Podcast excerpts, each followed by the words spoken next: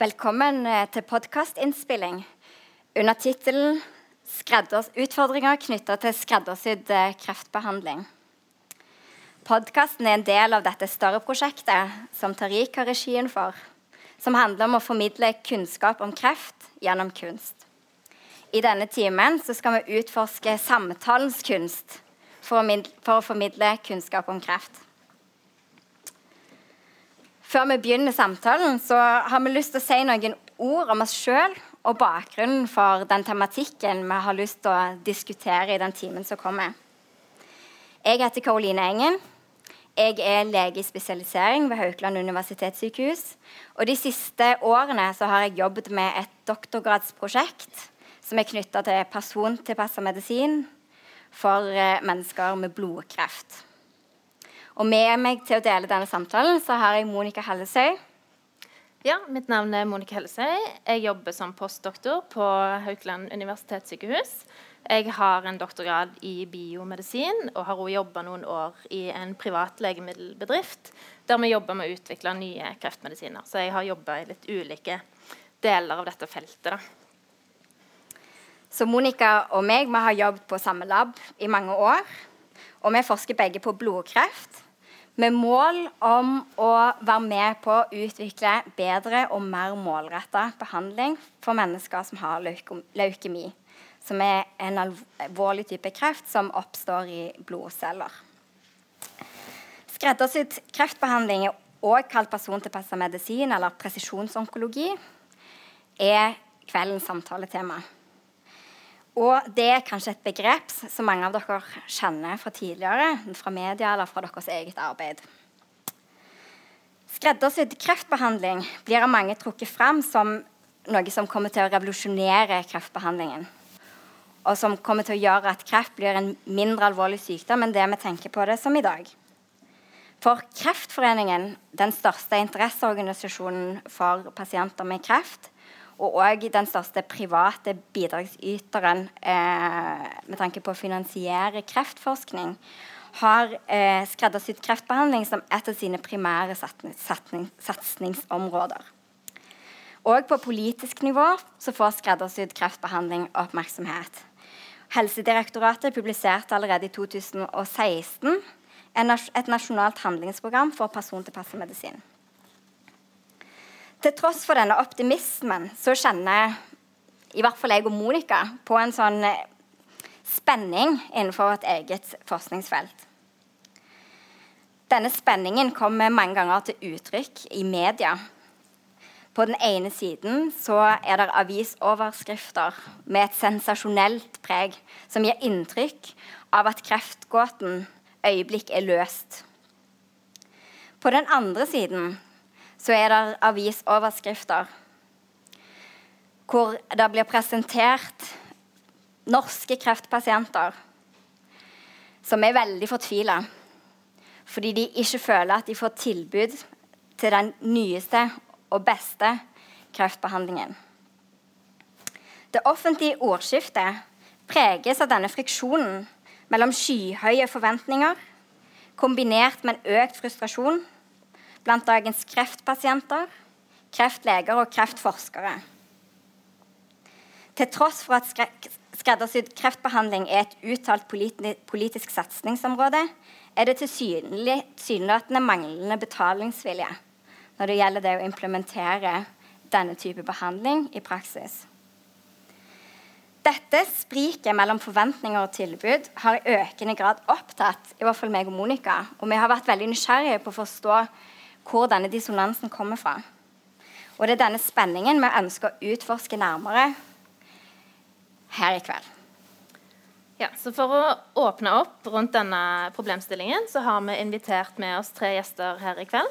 Og de er invitert basert på spesifikk kompetanse som de sitter på. Eh, Ola Myklebust, som sitter her, han er cellebiolog og professor i kreftbiologi og bioinformatikk.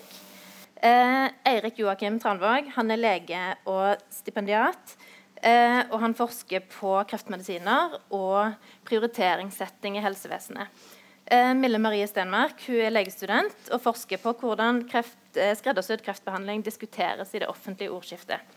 Og Sammen med disse gjestene så håper vi at vi i løpet av denne samtalen kan få litt mer klarhet i hvilke utfordringer vi står overfor nå når det ser ut som skreddersydd kreftbehandling er i ferd med å komme inn og bli en realitet i klinikken. Dette er på mange måter litt ukjent terreng, men det er ingen tvil om at vi nå beveger oss inn i en helt ny æra av kreftmedisinen. Så da vil jeg først spørre deg, Ole.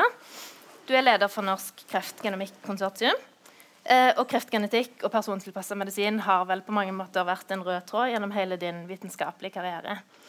Eh, kan du fortelle oss litt om hva skreddersydd kreftbehandling er for noe, og hva som er nytt i denne tilnærmingen til kreftbehandling? Ja, tradisjonelt så har jo eh, kreftbehandling uh, blitt utviklet ut fra Torbjørn Egners modell. Ja, at uh, vi ser veldig forskjellige, eller litt eller ganske forskjellig ut utenpå, men inni er vi like. Og det, Jo mer vi går i dybden på sykdomsmekanismer, så ser vi at det er jo helt feil. Inni er vi utrolig forskjellige. Hver eneste pasient er forskjellig. Hver eneste svulst er forskjellig. Og hvis du går helt i dybden, så er hver eneste celle i hver eneste svulst antagelig også forskjellig. Så dette er veldig komplekse problemstillinger. Og det gjør jo at uh, fremfor å da gi alle med en type kreft en behandling som virker på 55% av 1000 pasienter, så prøver man å finne ut hva er det som passer for den enkelte undergruppe av hver krefttype. Uh, og det, Da begynner det plutselig å bli en helt annen type klinisk utprøving. og det er jo en stor uh, bøyg her. Uh, men for å gå et takk tilbake, så er det jo to ting som, er, som vi har spesielt studert, da, og som er mye av basisen for den utviklingen, og det er jo genetikken. Da, både personenes genetikk, hvilke genvarianter hvert individ har, som gjør at de kan respondere helt ulikt på samme behandling. Noen kan få dødelige bivirkninger av en kjemoterapi som de andre tåler. Og noen har mekanismer som gjør at en kjemoterapi virker fantastisk på det, deres celler, men ikke da på andre. Sånn at genetikken til pasienten er viktig. Og I tillegg så er det jo helt det er celler på ulike modningsnivåer i de ulike vevene som da kan plutselig bli til kreftceller og dermed ha forskjellige biologiske basale egenskaper. Og I tillegg så skjer det da forskjellige mutasjoner i hver kreftsvulst som gjør at de får litt forskjellige egenskaper. Og det som på en måte er mantraet innenfor persontilpasset kreftbehandling, er at man kan finne en målrettet terapi som passer akkurat for de mutasjonene som en bestemt svulst har. Uh, og I noen tilfeller så fungerer det ganske bra. Uh, veldig ofte så går det ikke så bra. Og jeg tror personlig at mye av grunnen er at vi egentlig, selv om vi kan, vi kan lage kreftceller i laboratoriet fra normale celler, så vi forstår hvordan man lager en kreftcelle, men vi forstår ikke hvordan alle kreftceller er laget. Og vi forstår ikke egentlig hva som er den grunnleggende mekanismen som gjør at cellene blir til kreftceller, men vi ser ofte en del mekanismer som er involvert. Men de er ofte sene mekanismer. og Så kan du behandle dem, og så stopper kreftcellene å vokse en stund, men så fortsetter de å mutere, og så blir de resistente, som vi sier, motstandsdyktige mot den behandlingen. og Så går det videre, og så må man teste på nytt. Og, men det er masse nye altså Det kommer jo 20, mellom 20 og 50 nye sånne målrettede medisiner hvert år. Og vi kommer vel tilbake til det, men problemet er jo da dokumentasjon for at det virker. ikke sant? Industrien vil alltid se her har vi magic bullets, og dette må dere betale. Og du betaler kanskje da en million kroner per pasient for å gjøre dette per år. ikke sant? Og det blir jo veldig mye penger. Også hvis det da virker på 1 av 10 eller 1 av 20, så blir det enda veldig mye mer penger. Så det er noe av utfordringen. Å få kunnskapsgrunnlaget til å finne de det virker på. Mm. Ja, og du er jo inne på høye kostnader her med kreftmedisinene. Og du er jo inne på at vi trenger veldig mye informasjon om hver pasient eh, for å gi denne behandlingen. Eh, og det er jo heller ikke gratis, de metodene og det arbeidet som må legges ned for å hente, eh, hente all den informasjonen.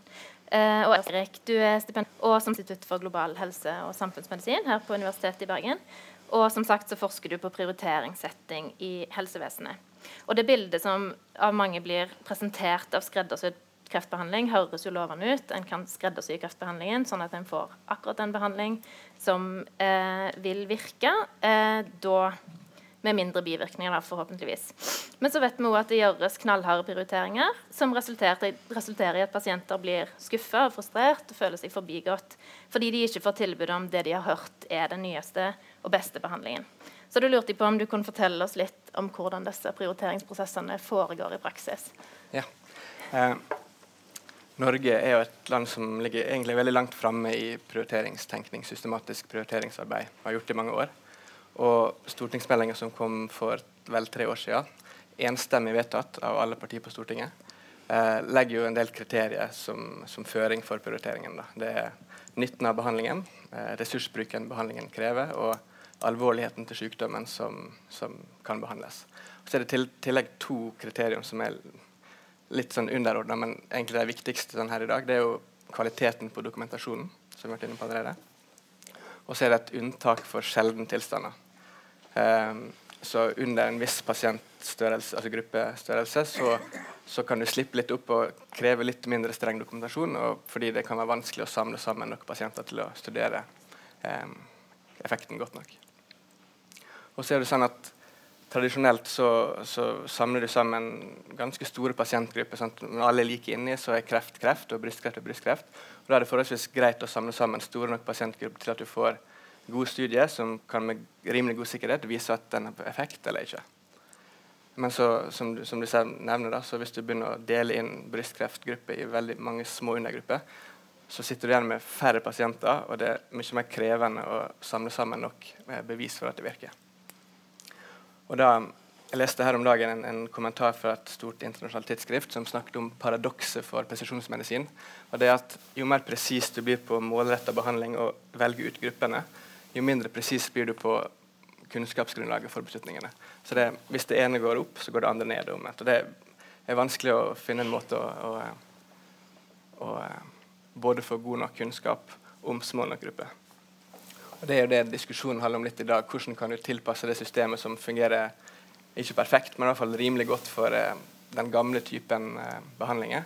Hvordan kan vi vri og vende på det, sånn at det også klarer å fungere tilsvarende godt for, for de nye persontilpassa behandlingene. Og med tilsvarende godt så er det ulike syn på hva som er tilsvarende godt. Eh, legemiddelindustrien og pasientgrupper med rette for så vidt ønsker jo et system som gir flest mulig muligheten til å prøve nye behandlinger. For det virker jo veldig godt på en liten del ofte. Og så kan myndighetene og andre pasienter, da, som andre pasientgrupper som også trenger behandling og ressurser til behandling, de vil jo ha et system som, som er rettferdig på den måten at det sammenligner pasientgrupper på et rettferdig og likt grunnlag og tar beslutninger som er konsistenser mellom gruppene. Eh, så det er det, det er det, som er litt vanskelig akkurat nå. Det, det foregår jo mye arbeid både i departement og direktorat og i foretak på å prøve å tilpasse systemet til, til de nye behandlingene. Mm.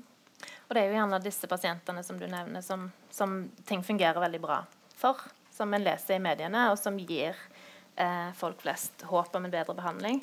Eh, og Mille, du er snart ferdig utdanna lege, og i studietida di så har du jobba med et forskningsarbeid som utgår fra Senter for vitenskapsteori. Eh, der kommer du fra en litt annen synsvinkel og har gjort en empirisk studie av hvordan skreddersydd kreftbehandling diskuteres i det offentlige ordskiftet i dag, eh, som jeg syns er veldig spennende, og som jo i en stor grad påvirker disse politiske prosessene. Da. Så vi lurte på om du kunne fortelle oss litt om hva du har funnet i din studie? Ja, eh, Utgangspunktet var litt sånn som du sier, det med at vi observerte at det så ut som det var et dilemma mellom dette med offentlig forventning, medisinske muligheter og, og finansielle begrensninger.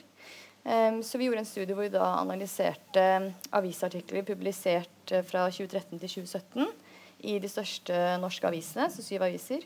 Eh, og da fikk vi totalt rundt 500 artikler som hadde diskutert dette temaet. Eh, og så analyserte vi de da nærmere for å prøve å, å danne oss et bilde av eh, hvordan denne debatten egentlig har tatt form. og, um, og hva som ligger til bunn for den. Eh, og det Vi fant, vi brukte da eh, framing theory, hvor vi så etter rammer, eh, rammeverk i disse artiklene.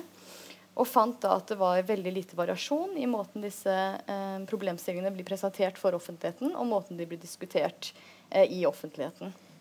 Um, og det vi um, fant som var mest sentralt, var at det så ut til at det var fire underliggende premisser som alle artiklene, eh, bevisst eller ubevisst, eh, fulgte, og som den offentlige debatten rundt dette her også følger. Eh, og det var da først og fremst at disse medisinene som vi diskuterer nå, at de er effektive. punktum. og da veldig lite, omtrent ingen, problematisering av dette. Av hva det egentlig innebærer. Hvor effektive er de? Hvem er de effektive for? Og hvem er de ikke effektive for? Um, og så var det også et, et, annet premiss at disse medisinene er dyre. Eh, punktum. Igjen eh, mangel på problematisering av hvorfor de er dyre, om de trenger å være dyre, hva som gjør de dyre. Um, og så uh, så det også ut til å være et premiss um, at enhver helsegevinst for en kreftpasient er et absolutt gode, uansett hvordan det ser ut. Um, uh, helsegevinst, da tenkte vi særlig på dette her med tid vunnet. og da var det veldig litt problematisering av hvordan den tiden ser ut. kanskje noe diskusjon av hvor lang den er. Kanskje en pasient overlever tre måneder, kanskje fire, men hvordan ser de månedene ut? og også ofte mangel egentlig på presentasjon. at det ofte er måneder man snakker om. at uh, sånn som du sier at Det er sånn mirakelkurer, eh, mm. hvor nå skal man kurere kreften, og så er man ferdig med det. Eh, og det siste premisset var det at i, i, diskursen så ser man da at det presenteres som om kreftleger og kreftpasienter til en viss grad eier sannheten om kreft, og at andre synspunkter ikke er spesielt velkomne.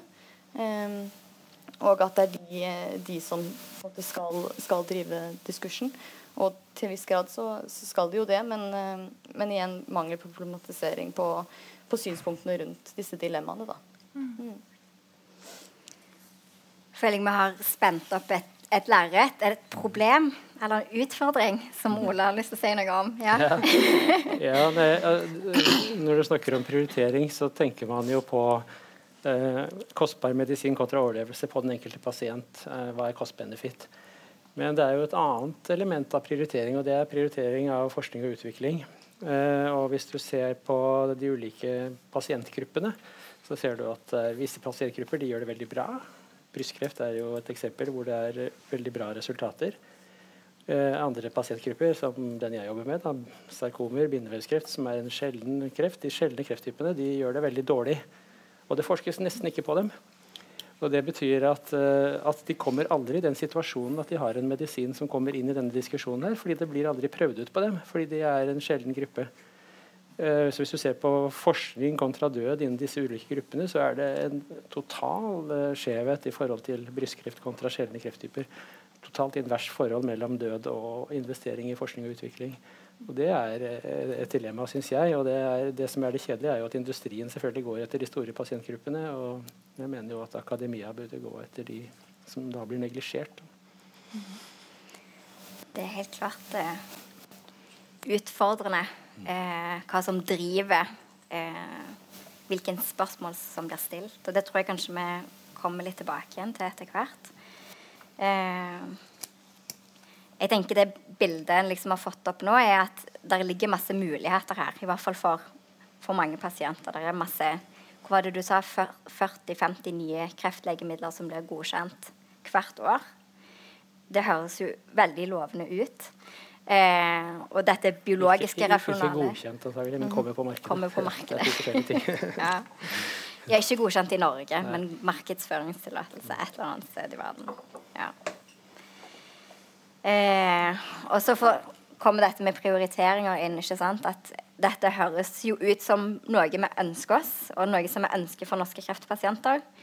Men så er ikke alltid situasjonen sånn, i hvert fall innenfor rammene av et offentlig budsjett, at vi kan få alt som vi ønsker oss. Og så er det hvordan en kan snakke om dette, som Mille sier noe om, eller som, som det arbeidet du har gjort, Mille sier noe om. At det, at det ikke alltid er så enkelt å få skapt et ordskifte som, eh, som inneholder eh, mange elementer. Så det du forteller om, det er egentlig en debatt som er veldig sånn ensforma, og som er fundert på noen antagelser. Mm. Og noen av de antakelsene har vi jo allerede berørt litt på. Eh, og et av de var dette med at kreftmedisiner virker. Og det har jo de fleste her allerede sagt noe om at det er ikke alltid de gjør. Eh, og det kjenner jeg veldig godt igjen fra mitt eget arbeid og mine egne samtaler med Monica. Det er en av de tingene som jeg har syntes vært vanskelig å få til å passe. For i det forskningsfeltet vi jobber i, så har det vært veldig vanskelig å vise at noen av disse nye medisinene faktisk gjør at pasienter med leukemi lever bedre eller lever lenger. Det var en nylig kunnskapsoppsummering eh, som viser at eh, kanskje færre enn halvparten av nye kreftmedisiner som har kommet på det europeiske markedet eh, de siste ti årene, kan ha dokumentert effekt for at det gjør at kreftpasienter lever enten lenger eller lever bedre. Så det er noe med evidensgrunnlaget her. Eh, og det har du allerede sagt noe om, Ola. Eh, at det er ikke så enkelt kanskje å få den type evidensgrunnlag som en gjerne ønsker. Har koster mye penger. Ja, du det tenker det er forskningen som koster mye penger? Jeg tenker på klinisk forskning. Altså, mm. Det er jo det som er eh, bøygen her. Vi har masse evidens eh, preklinisk og i modeller hvor ting tyder på at det skal virke. Men for å få onkologene til å bruke det, i hvert fall i det norske helsevesen, der hvor det ikke er bare penger som rår, så, eller penger rår for så vidt, men på en annen måte enn når pasientene betaler selv, så må vi ha evidens. Og det, da må du ha en trial, en utprøving, eh, som krever ganske mye arbeid og penger. Og det, når det da blir så veldig mange varianter, så er det klart det blir veldig mye kostnader der. Og det er jo et svakt punkt i norsk helsevesen. Viljen til å forske på nye medisiner vi lever jo i en global verden, så mange av disse medikamentene utvikles jo ikke primært for det norske markedet. Norske kreftpasienter er jo en veldig minoritet, hvis en tenker på hvem eh, legemiddelindustrien ser på som potensielle kunder. Og i andre systemer eh, så har en andre krav for at et medikament skal kunne tas i bruk. Så f.eks. i USA så har de ikke den type prioriteringsprosesser som vi har i Norge. Og der godkjenner de i økende grad medikamenter basert på eh, mindre rigide studier enn det en har gjort tidligere. Fordi en ønsker å få disse medikamentene på markedet så raskt som mulig. Så Tidligere så krevde en jo rigide studier for å få medikamentene godkjent. Men nå er det mange nye medisiner som kommer inn på markedet basert på enten enkeltarmstudier, at de, at de nye medisinene ikke er sammenligna med den behandlingen pasienter vanligvis får. Eller at det er basert på surrogatendepunkter. Men det mener jeg at det kanskje viser at det tar litt lengre tid før sykdommen progredierer. Heller enn å vise at det tar lengre tid før pasientene dør. Og at det ikke alltid er et godt samsvar mellom surrogat-endepunkter og endelige endepunkter. Og jeg tenker det er viktig å trekke fram i debatten fordi eh, en av de tingene som i hvert fall jeg selv opplever fra mediebildet, er at vi veldig ofte eh, sammenligner oss med andre land. Da og sier at det er jo veldig sørgelig at eh, vi ikke gir tilgang til våre pasienter når de gjør det i andre land. Men de har gjerne helt andre prosesser. Ja. Erik? Um, tilgang er jo Det er ulike former for tilgang. så Hvis du har et nytt uh, legemiddel som du vil ha ut på markedet, så søker du om tilgang fra FDA i USA eller i EMA i Europa. og Da, da gjelder det på en måte å bevise at effekten er større enn risikoen. Det er på en måte kriteriet. Og Klarer du å bevise det med sånn rimelig tvil, så, så, har du tilgang til markedet, inkludert i Norge. Men så er det sånn at i Norge, som er en offentlig eh, og helsetjeneste som jo leverer den store majoriteten av kreftbehandling i Norge, så har vi bestemt at vi vil ha en del tilleggskriterier før vi skal betale for det. Tilsvarende finnes i England, Sverige, Danmark, Tyskland og en del andre land. Men det varierer litt hva de legger i tilleggskriteriene sine. Så så De fleste legemidler som er godkjent i USA eller hvor som helst i verden, er jo tilgjengelig i Norge, men da må du på Aleris for å kjøpe det. Eh, betingelsene for å få det inn i det offentlige er det som er prioriteringskriteriet og den ytterligere vurderinga som varierer veldig fra land til land. Så kan du snakke om at ja, i USA er det tilgang, men der må du betale alt sjøl eller via forsikring. Så det, det er jo en enorm ulikhet mellom hva du faktisk kan få behandling for. Og, og i USA eller i europeiske land og i Norge der er det inne, så skal alle få det. Eh, gitt enkelte medisinske tilleggskriterier. Eh, så det, det, er en stor ulikhet mellom reell tilgang og den på en måte tilsynelatende tilgangen på godkjenningsnivå. Det er jo eh, det er jo forskjellige måter på tilgang, som du sier. og En tilgang som jeg vel tror vi er ganske enige om, det er at det er viktig at norske pasienter får tilgang til utprøvende behandling. Og Det er jo litt svakt utviklet her, egentlig. og jeg tror at uh, Det er den gamle tankegangen da, som jeg tror du, du, og dine baserer dere på, det er den tunge statistikken. Altså Du må ha 1000 pasienter, altså kontrollgrupper og randomisering og sånn. og Det, det er én type kunnskapsbasert medisin, men det å ha en biologisk hypotese som uh, sannsynliggjør at noe har en effekt, må jo også være en type kunnskapsbasert medisin. Og så må du selvfølgelig etterpå bevise at det virker. Men det stiller litt andre krav til sample size, altså til antall pasienter. Så det, jeg har akkurat søkt om penger til et nasjonalt nettverk for å, å se mer på hvordan vi kan komme videre. Da. Og jeg mener Et av de viktige tingene er at man får et system hvor man kan begynne å gi eh, utprøvende behandling til et fåtall pasienter som kommer forbi, og, men samle på kvalitetsdata på dem, slik at man får den kunnskapen etter hvert som man trenger for å ta beslutninger. Jeg synes Det er veldig interessant dette du sier med at vi skal bruke biologisk rasjonale. At det skal eh, gjøre at vi senker evidenskravene. For en av de tingene som 20 år med erfaring med persontilpasset medisin kanskje har lært oss, er at noen ganger så hender det at vi overestimerer eh, det biologiske rasjonalet. Så for 20 år siden, når eh, en utvikla imatinib, en sånn tyrosinkinasehemmer for kronisk myelogen leukemi, og en i løpet av et par år kunne vise eh, i randomiserte studier at en hadde revolusjonert utfallet i den forstand at pasienter som tidligere hadde en forventa levetid som kanskje var fem år, nå har en forventa levetid som tilsvarer den generelle befolkningen så har en brukt et veldig likt biologisk rasjonale. Det rasjonale er veldig likt det du fortalte om i introduksjonen. ikke sant? Dette med at du har en mutasjon som driver kreftcellene. Hvis en lager en medisin som hemmer den mutasjonen, så dreper en, kreftcellene. Det er, det er, i hvert fall sånn jeg oppfatter det et av de primære premissene for målretta kreftbehandling. Og dette medikamentet ble godkjent for 20 år siden. Og disse studiene ble publisert for nesten 20 år siden. Og det blir fremdeles brukt som det beste eksempelet på hva person-til-person-medisin er for noe. Kanskje og det har vært, av de eneste. Ja, og det er, har vært veldig veldig vanskelig å vise tilsvarende responser i andre kreftformer. Og da er vi tilbake igjen til hva er en god nok effekt. Og vi snakker om måneder. Vi snakker ikke om år engang. Det er, det er et veldig godt uh, poeng du har der, og det, og det er helt riktig. Men, eh, men, vi vet jo eh, altså Problemet er at før du har brukt det på pasienter, så aner du ikke om det virker eller ikke. Men det kunne du se på 10-20 pasienter, om det virker eller ikke. Uh, og Imatinib er jo et kjempegodt eksempel, fordi en undergruppe av de sjeldne svulstene jeg jobber med, der virker den medisinen som smør. Altså, der blir folk De lever i årevis på den behandlingen. Og det er fordi at akkurat de svulstene de har ikke da en sånn som jeg var inne på i sted, at det er en sen defekt i kreftcellen som gjør, det er en gasspedal som bare gjør at ting går fortere, men det er en helt basal egenskap ved alle kreftcellene av den typen som gjør at når du rammer den, så bare stopper de å vokse.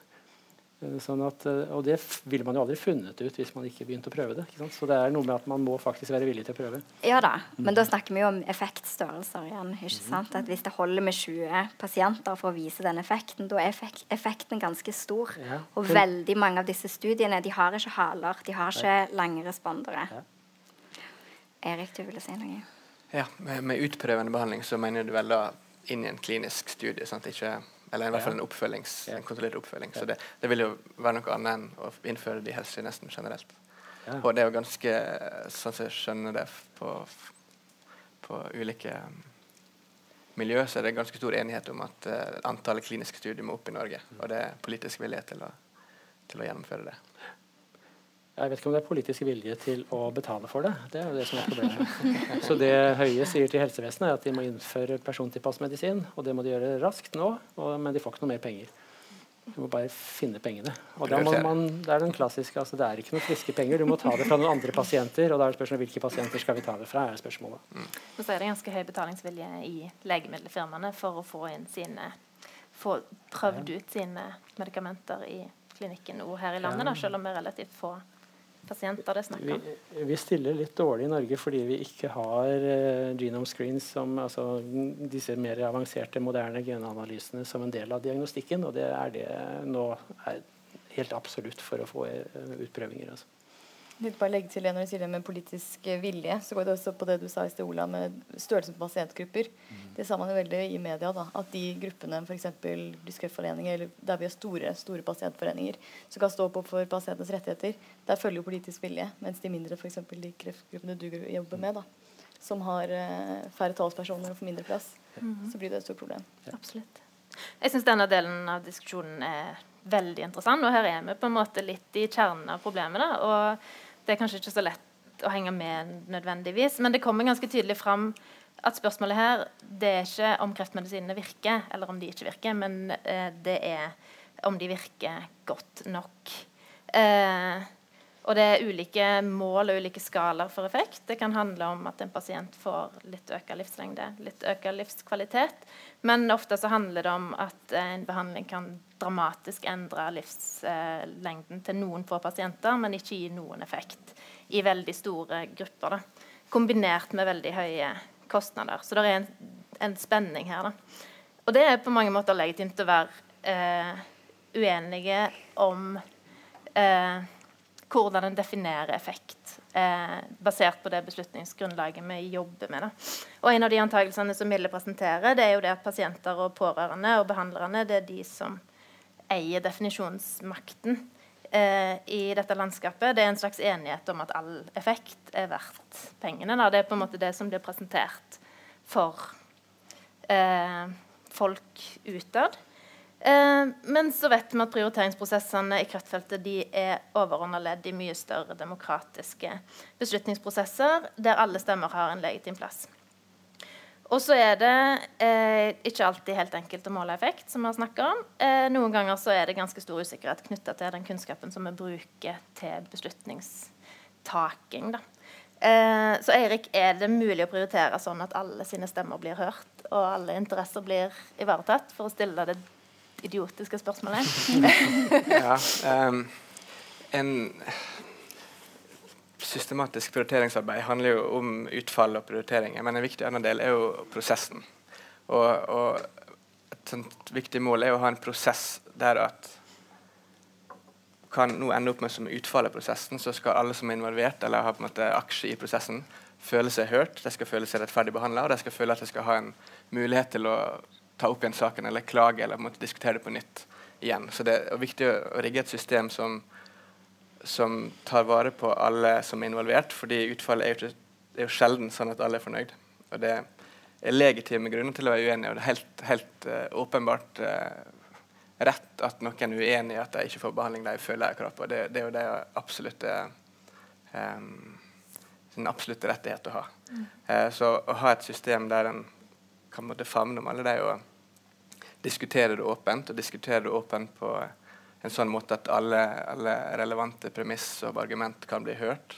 Det er jo det som du tenker litt på, Mille. Mm. Og at det går an å ha et ordskifte der der en kan få frem en forståelse av at det er ikke det her er rett og det her er feil. Det er vanskelige prosesser, det er vanskelige beslutninger, det er mye usikkerhet. og vi, vi har ikke et perfekt system, som jeg sa, men vi har et ganske godt system som kan forbedres. Og en viktig del av det er å, å la alle parter bli hørt. Mm. Eh, og hvis vi snakker om at det kan forbedres, så nå beveger vi oss på en måte inn i politikken her, og det er jo ingen av oss som er politikere. Eh, men Ola, nå har du vært delvis inn på dette med eh, annerledes prioriteringer, så jeg lurte på om du har gjort deg noen tanker om hvordan vi kunne prioritert annerledes for å få dette til, gitt de økonomiske rammebetingelsene som vi faktisk må forholde oss til? Da? Ja, jeg tror, jeg, altså, jeg tror eh, det er klart at det er milliarder av kroner som går inn i helsevesenet, så det, det er sikkert mulig å prioritere annerledes, men det er ikke jeg rette til å egentlig vurdere. Mm. Uh, jeg tror ikke det er mulig å gjøre dette uten, uten mer penger, på en måte. Uh, men jeg mener at man må altså for å, En ting er at man kan si ok, vi har en liten gruppe her som har et bestemt genavvik som er ganske overbevist om at det virker. Det har testet ut i mus osv., og, og det virker, og vi vil gjerne prøve det på pasienter. Og så tøver vi det på 20, og så finner vi ut at ok, fire av dem virket det på. Og det, det er veldig lovende. Men så, så, må vi jo gå videre. Altså, medisin, kreftbehandling må bli mye mer forskningsbasert. Man kan ikke bare si at det er et samlebånd hvor folk kommer og får standardbehandling, og så går det igjen. Vi må hele tiden forfine dette her, da, slik at vi må teste hele tiden. Da. De 20, og så må vi si ok, hva er forskjellen på de 4 og de 20, så må vi prøve å forklare bedre. og så Neste gang så blir det kanskje da når vi får funnet en, et kriterium til, så blir det 16 av 20, kanskje. ikke sant? Og etter hvert så blir det veldig kostnadseffektivt da, hvis vi klarer å komme til det nivået. Men det er ikke gratis. Nei. Det krever eh, forskningsinnsats, det krever penger. Så det, det er det som er utfordringen. Hvor finner vi de pengene? Det kan sikkert du svare på. jeg, jeg, det blir veldig politisk når du sier mer penger.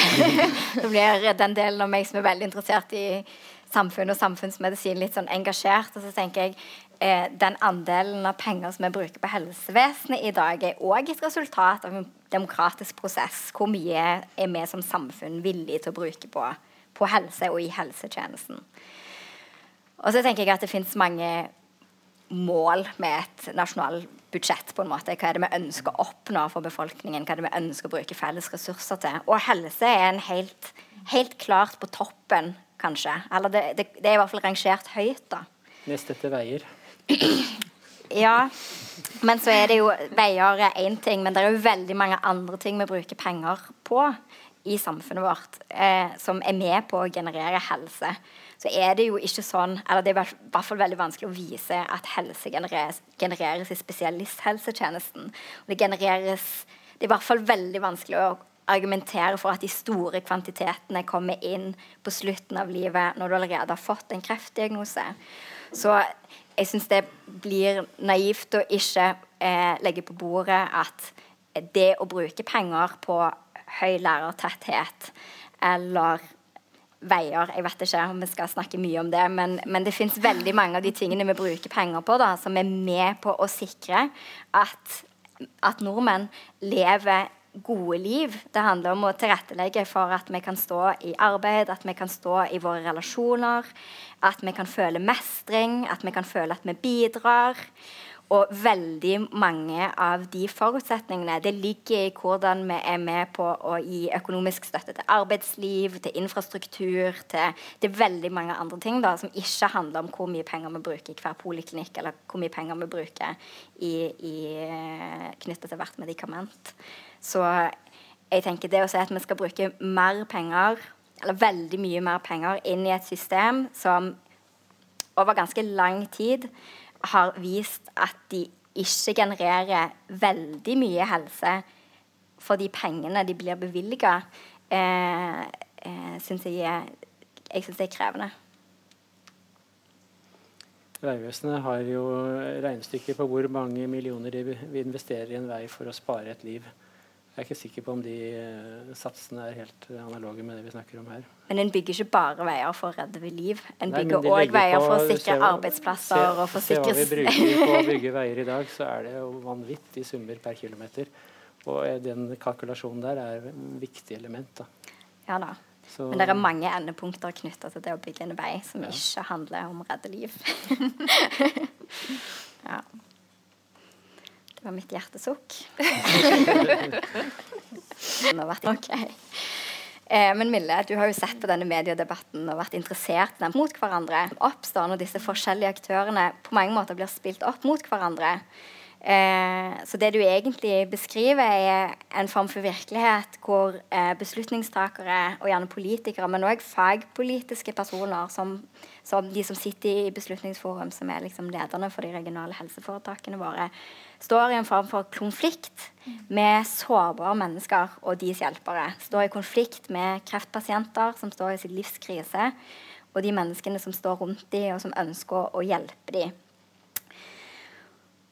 Og så har vi jo snakket litt om eh, Vi begynte med å, å, tenke på dette som et problem som handler om at kreftmedisinene er dyre. Men det er jo òg tydelig at dette handler også om at det handler om effektstørrelser. Det handler om usikkerhet knytta til kunnskapsgrunnlag.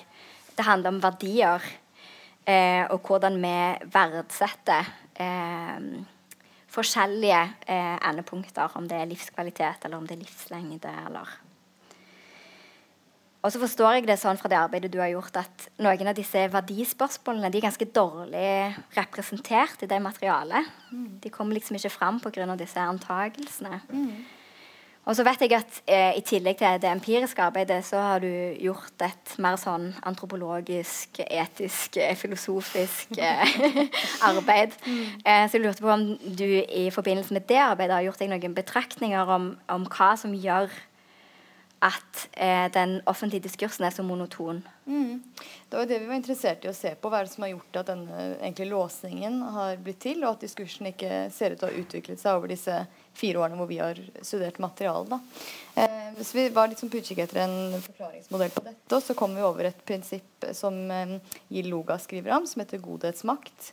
Eh, og hun beskriver da hvordan hvis en diskurs eller en, en debatt eller en offentlighet Eh, hevder en, en, eh, en, godhet i det argumentet de har, så vinner de på en måte makten over den diskursen. Og det er jo da sier til godhetsmakt, da, og det kan man overføre til denne, denne debatten. Der det perspektivet som snakker om å redde liv, f.eks. disse artiklene vi alle har lest om eh, kvinne 32 har en kreftform og, og, kommer til å dø, og hun får ikke medisinen sin. Um, og så er jo argumentet da veldig at dette er urettferdig, og at det er feil prioritering, og at helsevesenet ikke satser på det, eller at politikerne ikke satser. Um, og ved å ha det perspektivet så, så, hevder de da at de på en måte er på, på godhetens side. De vil redde liv, og de som ikke vil det, er på den andre siden. Um, sånn at på den måten blir det veldig vanskelig å holde et perspektiv som er annerledes, eller å utfordre de Eh, de eh, premissene da, som jeg snakket om i starten. Sånn at hvis man eh, utfordrer ideen om skal man egentlig satse på disse medisinene, er disse medisinene gode, er de verdt det, så, så, er man det veldig urettferdig det gode. da, Så man blir fremstilt som veldig kynisk og urettferdig eller nesten sånn ondskapsfullt. Og at denne ja, godhetsdiskurs da, Eh, eh, det er et veldig interessant eh, tema da, og kan på mange måter forklare noe av det man Så det er et veldig interessant tema da, og kan på mange måter forklare noe av det man ser. Det tror jeg du har veldig rett i. Men det som er problemet ofte, det er jo at man ser bare én godhet av gangen. på en måte. og en av våre medarbeidere i prosjektet vårt, Ivar Sønbø Christiansen, som var en veldig dyktig pensjonist nå, men uh, helseøkonom, han, han, uh, han, påpekte jo dette at uh, da brystkreftopererte sto foran Stortinget og protesterte på at ikke de fikk transplantert nye bryster i stedet for proteser. Og så klarte jo ikke selvfølgelig noen å stå imot det presset, for det var åpenbart et sånn godhetsaspekt. Da. Mm. Så da fikk de jo det. Men problemet da er jo at det er bare så mange plastikkirurger i landet og Det betydde da at køen, eh, ventetiden for barn med leppe-ganespalte gikk rett i været. ikke sant? Det er et, en godhetssvikt som vi da ikke ser i den sammenhengen. Og sånn er det alltid her, at du tar alltid noe fra noen ved å gi noe til noen. Mm. Ja, Det er jo litt det som mangler i den diskursen her. At vi er så vant til å lese disse historiene eh, hvor det er pasient, veldig sånn pasientperspektiv på enkelte pasienter. Og så mister man veldig synet på altså de som argumenterer for noe annet. Det er jo ikke det at de ikke vil at disse pasientene skal overleve, men det handler om dette med prioriteringer. Og hva, hvis de gis noe, så er det noen andre som tas fra noe. Eh, men det er da ja, veldig mangel på problematisering av den situasjonen. Det er spennende at det vekker så mye følelser i folk. som altså, Når jeg jobber med kreftforskning sjøl, så har jeg ofte lurt på hva er det som er så spesielt med kreft. da? Hvorfor er det en sykdom som, som, eh, som, så, som opptar så veldig mange? Er, og veldig mange er redd for å få kreft, selv om det finnes veldig mange forferdelige sykdommer som er, er mye verre å dø av. på en måte. Eh, men jeg kunne sikkert hatt en håndsopprekning i lokalet her om hvem som er nær pårørende eller har vært syk eller kjenner noen, så ville sannsynligvis samtlige rekt opp hånda. Eh, så det er jo en grunn. altså det, det, opptar folk, og det vekker utrolig mange følelser. Og det gjør det utrolig vanskelig å snakke om disse tingene, syns jeg. Og det gjør det utrolig vanskelig å være kritisk. Jeg vet Karoline har fått eh, veldig kritiske kommentarer om at hun er så kritisk til ny behandling og ikke ønsker at disse pasientene skal få nye medisiner. Hvordan kan du være lege når du er så kald og kynisk menneske? Eh, og det er ganske, en ganske brutal ting å si, men det forteller litt om hvor masse følelser det vekker hos folk. da. Men ja, det er fascinerende hvordan de følelsene kan bli vekka i en sjøl òg. Vi har vært på noen debattmøter sammen eh, hvor det har vært pasienter i panelet. Mm. Og da går ikke det an å være kritisk. Eh, det går ikke an å si at det er mange kreftmedisiner som ikke virker. Eh, og det er krevende å si det i et rom som dette òg. Det er krevende å si det høyt. Fordi det er på en måte eh, den optimismen som er knytta til, til, disse framskrittene, den er på en måte ikke bare Det handler ikke bare om teknologiutvikling. Det handler om å på en måte holde seg stående hvis en står i en krevende situasjon sjøl. Eh, og håp er jo på en måte Det er en veldig sterk kraft. Og håp på at en sjøl skal bli frisk, eller håp om at de som er rundt en, skal bli frisk. Eh, og at det fins utveier, da. Det tror jeg er veldig viktig for folk. Eh, og, og, jeg kjenner på den motstanden i meg sjøl, både med pasienter, men òg i denne form for forsamlinger, og på en måte å realitetsorientere, på en måte. Det, det kan være krevende, eh, fordi det, det, er så mange følelser her. Eh, følelser som vekkes i en sjøl, og følelser som en er redd for å vekke hos andre. Eh, Mille? Jeg tror også mediebildet har mye med det å gjøre. fordi at eh, når man tenker hjerte-karsykdom, så er det ikke sikkert at det nødvendigvis vekker så mye følelser hos folk. For man ser for seg kanskje et eldre menneske, og ja, det, det, vekker noe helt annet. Mens kreft, det man tenker da, er jo ofte det man leser sist. Og det er historiene om veldig unge pasienter som brutalt blir, mister livet sitt eh, veldig raskt. Eh, og det er ikke nødvendigvis det som er virkeligheten i kreftbehandling når man jobber med det. Eh, men det fins jo de tilfellene, og det er de som får plass. For virkeligheten Ola, er at unge mennesker dør på veien. ja, det, er, det er ikke sånn at kreft er veldig hyppig hos unge mennesker. Det er det ikke. Men det er jo slik at uh, unge mennesker uh, har nok mye mer uh, da, arvelige predisposisjoner enn det eldre mennesker har. Da. Det er jo, jo tidligere du får kreft, jo mer sannsynlig er det at det fins en arvelig predisposisjon som vi fortsatt ikke vet nok om. Det. Det er klart. Mm. Ja. Um, jeg ser at tida begynner å renne fra oss her, så jeg uh, skal prøve å samle litt tråder og oppsummere samtalen vi har hatt.